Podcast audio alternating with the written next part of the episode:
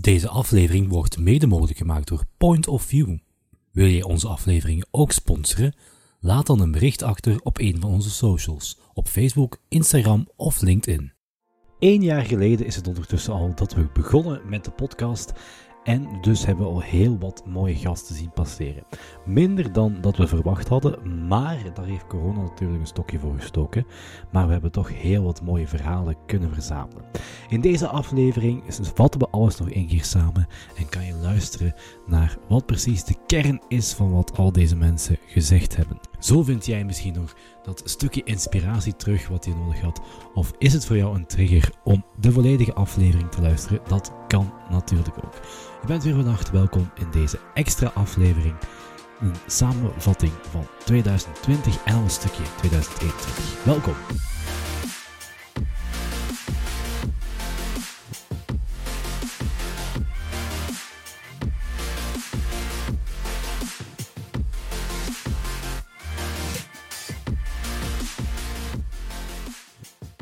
Eén jaar zijn we nu al onderweg met de podcast, Jeroen. Inderdaad. een jaar kan snel voorbij vliegen. Uh, het was wel een heel raar jaar. Uh, hoe heb jij dat een beetje beleefd? Ja, het was een heel raar jaar. En, allee, het begon eigenlijk ook gewoon al raar. Want ik weet nog goed dat we de eerste aflevering hebben opgenomen. En eigenlijk daarna was het al zo'n beetje van... Hoe? En nu? Hoe gaat dit verder gaan? We moesten ons eigenlijk al direct gaan aanpassen van... Hoe gaan we mensen bereiken? Want mijn originele idee was dat we wel naar netwerkevenementen zouden kunnen gaan. Of ay, we zouden wel een, aanraking komen met mensen. En het in contact komen met ondernemers is heel anders gelopen. We zijn er een beetje achteraan moeten gaan.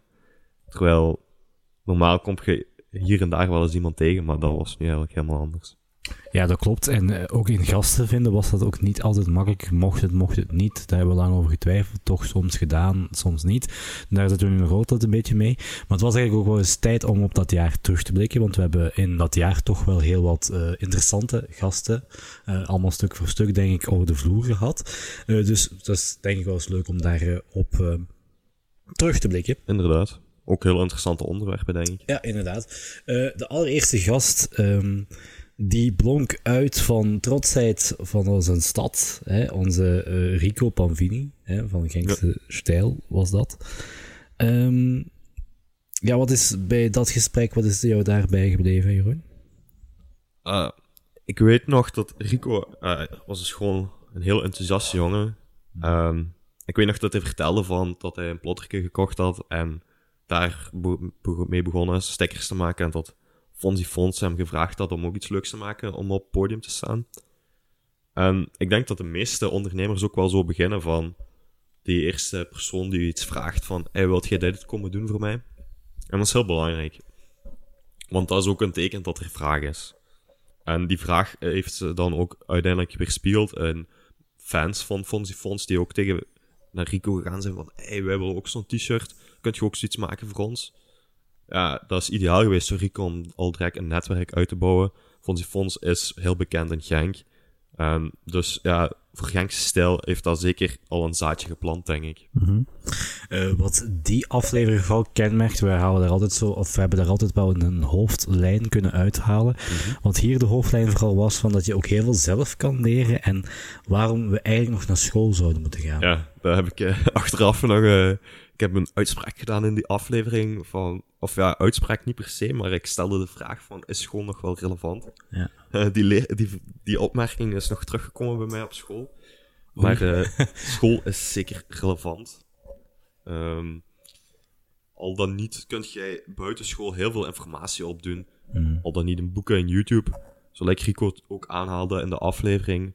Uh, je bent niet de eerste die u iets gaat afvragen. Mensen hebben het al afgevraagd. En die antwoorden van die vragen staan meestal al online. Dus uh, je hebt geen schrik om dat op te zoeken. En zelfs als je het niet vindt, heb je geen schrik om anderen te betrekken. En in de laatste deel is het ook gewoon relevant. Uh, daar is school heel relevant in. Omdat de leerkrachten meestal wel misschien niet weten, maar wel de ervaring hebben. En als ze het zelf echt niet weten door de ervaring, dat zij wel mensen kennen die wel heel thuis zijn in de wereld om u op weg te zetten en ja, in de juiste richting te sturen. En heb je de brokken met die docent nog kunnen lijmen? Ja, ja. Was je geslaagd? Ik ben heel geliefd, hè. Ah ja, ho ho, ja. Oh, heel geliefd is misschien een groot woord. Je bent maar gewoon een, een goede student. Ik ben een goede student. Ja. Hoe gaat het trouwens nog met de opleiding? Dat is misschien ook interessant. Misschien zijn er ook luisteraars die denken van, goh, dat marketing wat, wat jij nu doet, eh, dat is iets voor mij. Hoe, hoe gaat het ondertussen? Je zit nu in je derde jaar, geloof ik, hè? Ja, ik zit in mijn derde jaar. Ik zit in mijn laatste jaar. Ehm, over enkele dagen, als, eh, wanneer deze podcastaflevering online komt, ga ik eh, aan mijn stage beginnen bij Archite op Sieman Krip. Eh, dat is ook een heel interessant bedrijf voor mij persoonlijk. Het was niet het bedrijf waar ik eigenlijk verwacht had in terecht te komen, omdat het eigenlijk in de industriële. het is de industriële gebied eigenlijk, en dat is eigenlijk niet wat ik gedacht had. En het is ook B2B.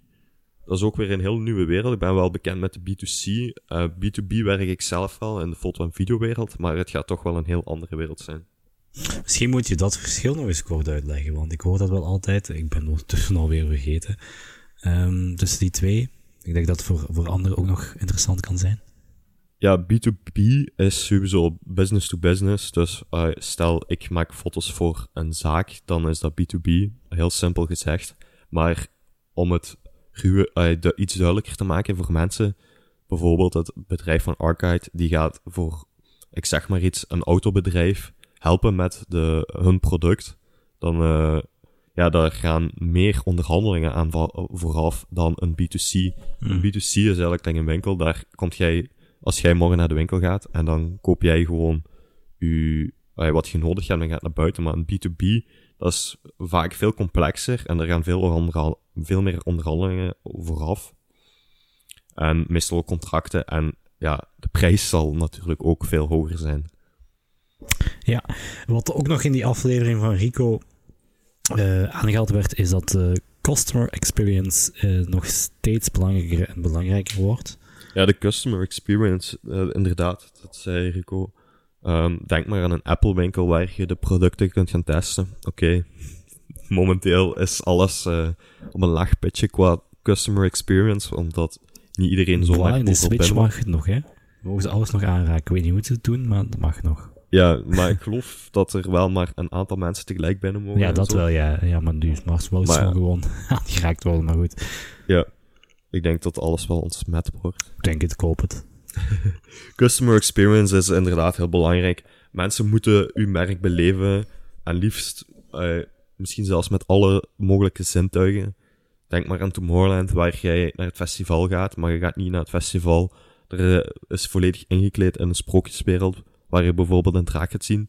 Maar die draak, die, die beweegt ook nog eens. Die draak, die spuwt vuur of een roze wolk. En die roze wolk, die ruikt ook nog eens naar rozen. Ja, je beleeft dat helemaal. En het is heel belangrijk voor een winkel om daarin te slagen. Omdat je dan, daar gaat je het verschil in maken. Denk maar aan een rituals waar je thee krijgt. Eh, de parfum, die ruikt je. Dat heeft Ja, een heel ja, grote impact. ja. En mensen gaan erover praten. En klopt. Ja. dat is wat je wilt. Mensen die gaan erover praten, de word of mouth. Ja, dat is eigenlijk gratis reclame. Ehm, Oké, je hebt er een kost aan om die experience in de winkel te hebben, maar die ervaring die de klanten hebben, ja, dat, mensen gaan dat verder zeggen en andere mensen willen dat ook gaan zien, om die gaan dat op hun beurt ook weer doorvertellen. Mhm. Zeker een eh, belangrijk element dus.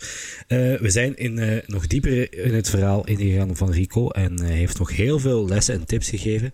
Je kan trouwens, als je het nu pas in komt of je bent nog niet zo lang luisteraar, je mag altijd de andere afleveringen nog eens herbeluisteren. Die zijn nog altijd gratis en overal bijna te beluisteren.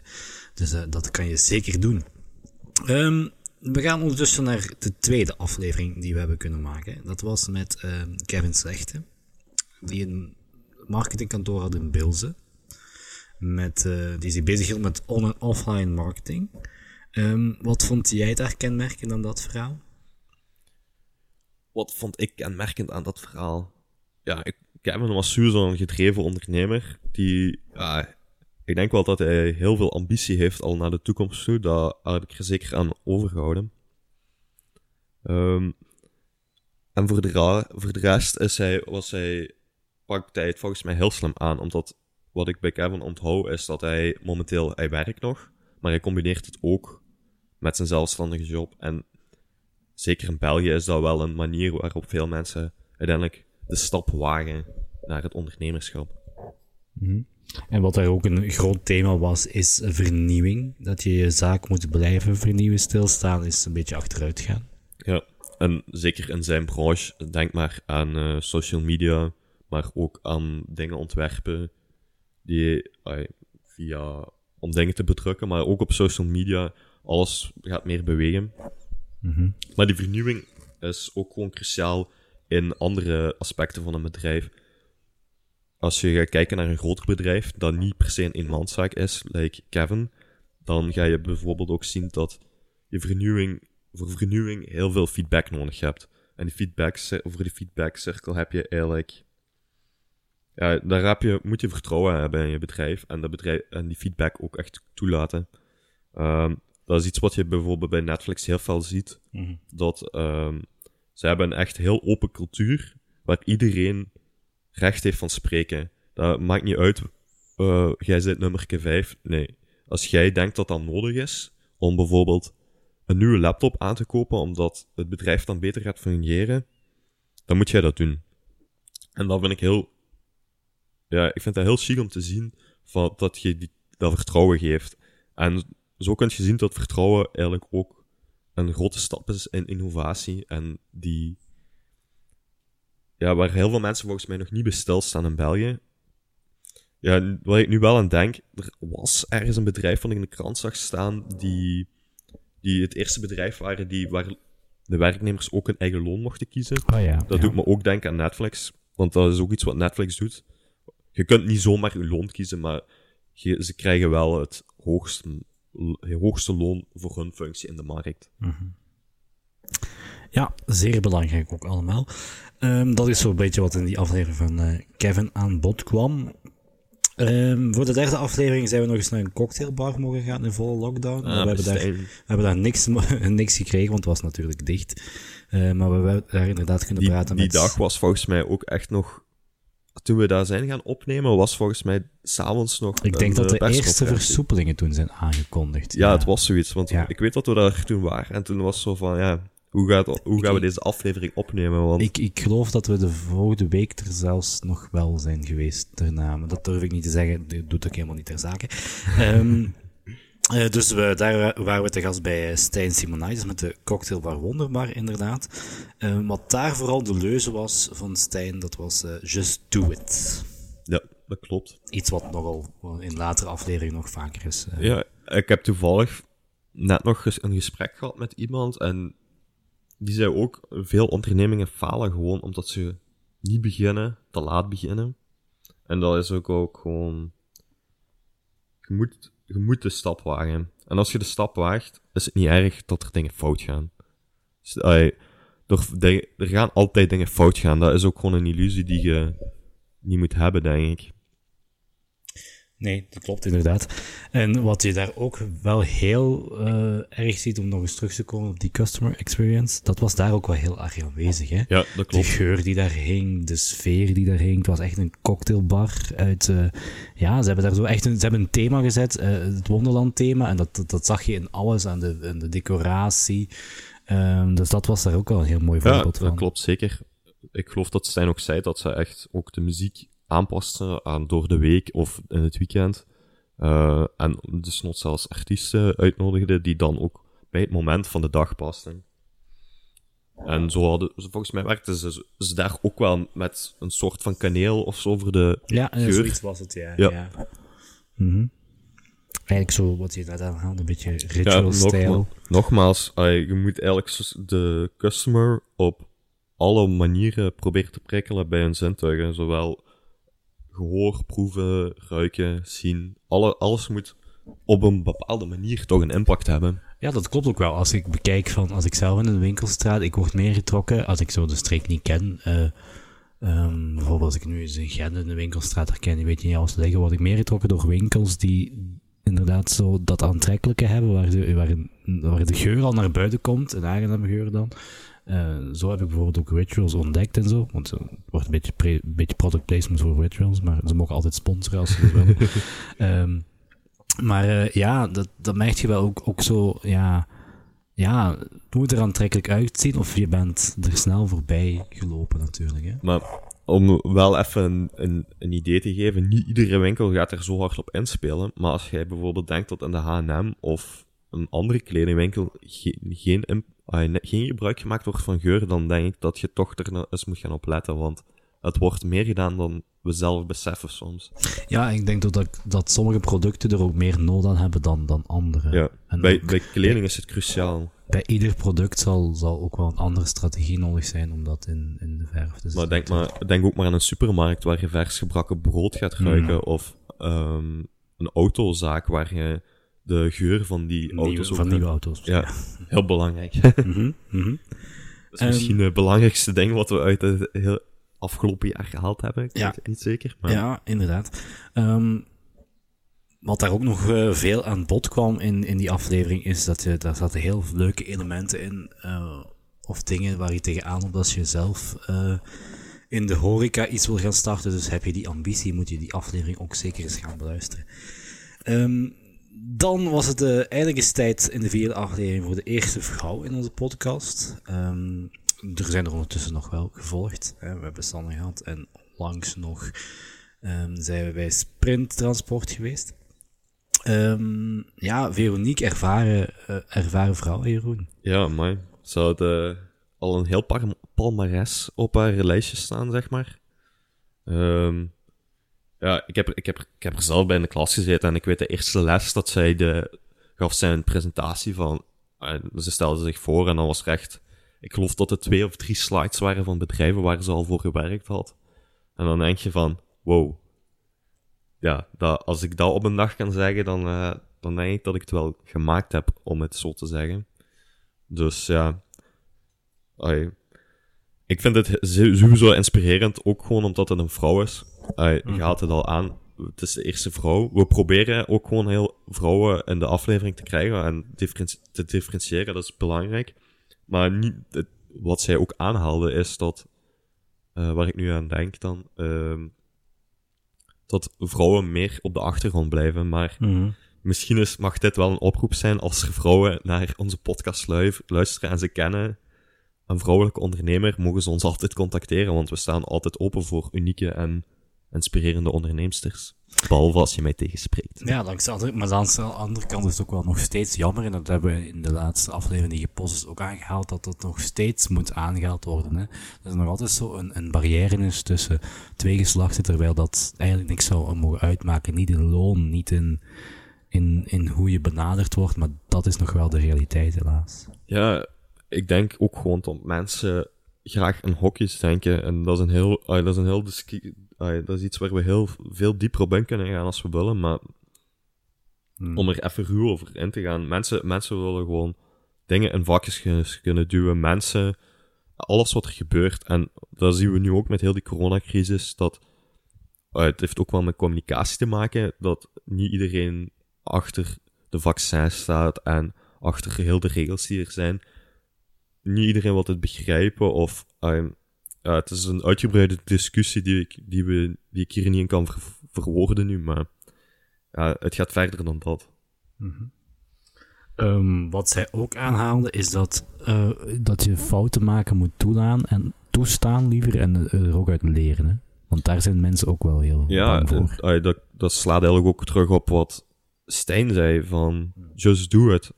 Want als je niet begint, dan gaat je die fouten niet maken en dan gaat je er ook niet uit leren die fouten zijn essentieel.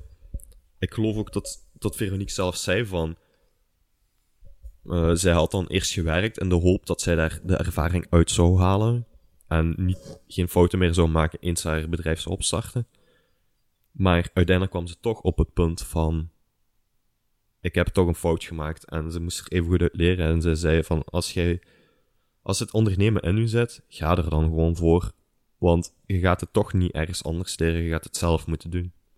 En ik denk dat dat ook heel belangrijk is voor mensen die nu luisteren en denken van... Zou ik, zou ik niet, zou ik misschien eerst daar ervaring op doen? Want ik, ik hoor het vaker eigenlijk, dat mensen zoiets hebben van... Nee, nee, ik ga eerst ervaring op doen en dan, zal ik wel zien of ik iets op mijn eigen doe. Maar ja, we zien het uit andere verhalen dat het uiteindelijk een beetje vergooide tijd is misschien groot woord, maar kunt waarschijnlijk meer leren door het zelf te doen. Wat zijn fouten waar jij in je onderneming zo wat bent tegenaan gelopen? Je bent nog altijd student, ondernemer. Ik maak geen fouten. Nee. Tuurlijk maak je fouten. Wat zijn fouten?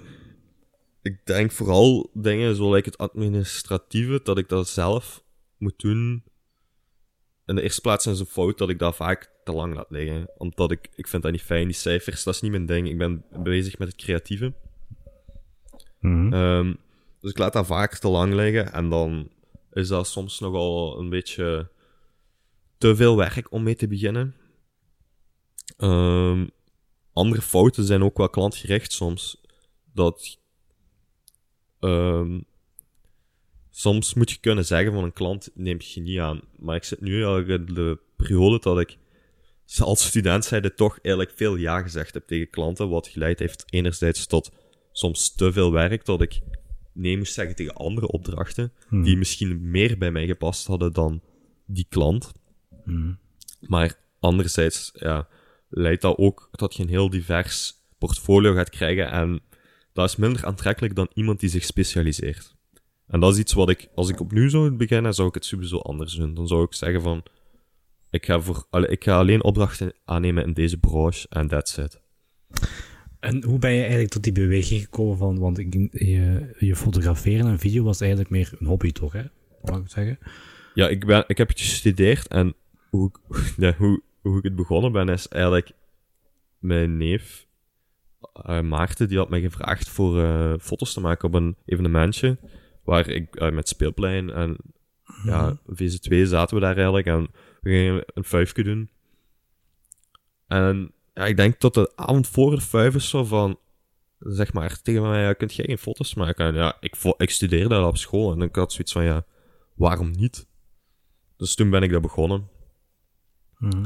En op die avond zelf had ik al een tweede aanvraag van mijn nicht dan, die zei van, ja, komt jij bij de Giro 5 dan ook foto's maken? En zo is de bal eigenlijk aan het rollen gegaan. En toen was ik, heb ik denk ik toch bij veel ja, Giro's en scoutsen en wat is het allemaal in Genk, toch foto's mogen maken. En van die foto's kwamen dan ook video's en wat een aftermovie. Maar ja, je wordt ouder en dan worden die vijfjes langzaamaan bedrijven. Of trouwfeesten. Nou, Voor en mij zo is het zo begonnen. Zo is dat begonnen, zoals bij de meesten eh, dat zo gaat. Hè. Ehm, en merk je nu dat, dat eh, je, je studie marketing jou meer nieuwe inzichten daar rond geeft? Voor wat je eigenlijk wil? Marketing geeft zeker, eh, geeft zeker nieuwe inzichten in de, in de zin van...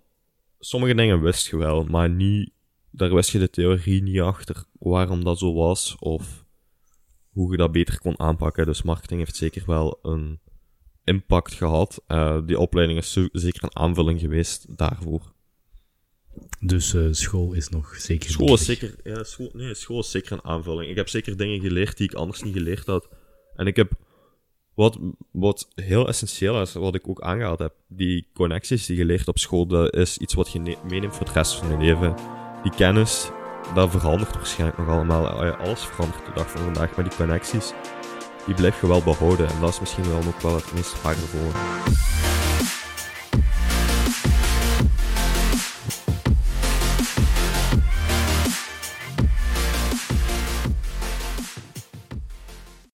Vond jij dit nu een interessante podcast? Volg ons dan via onze Insta of Facebook en abonneer of volg via YouTube en Spotify. Luister je via Apple Podcast? Laat dan zeker een review achter, want dat helpt andere luisteraars om ons makkelijker te vinden.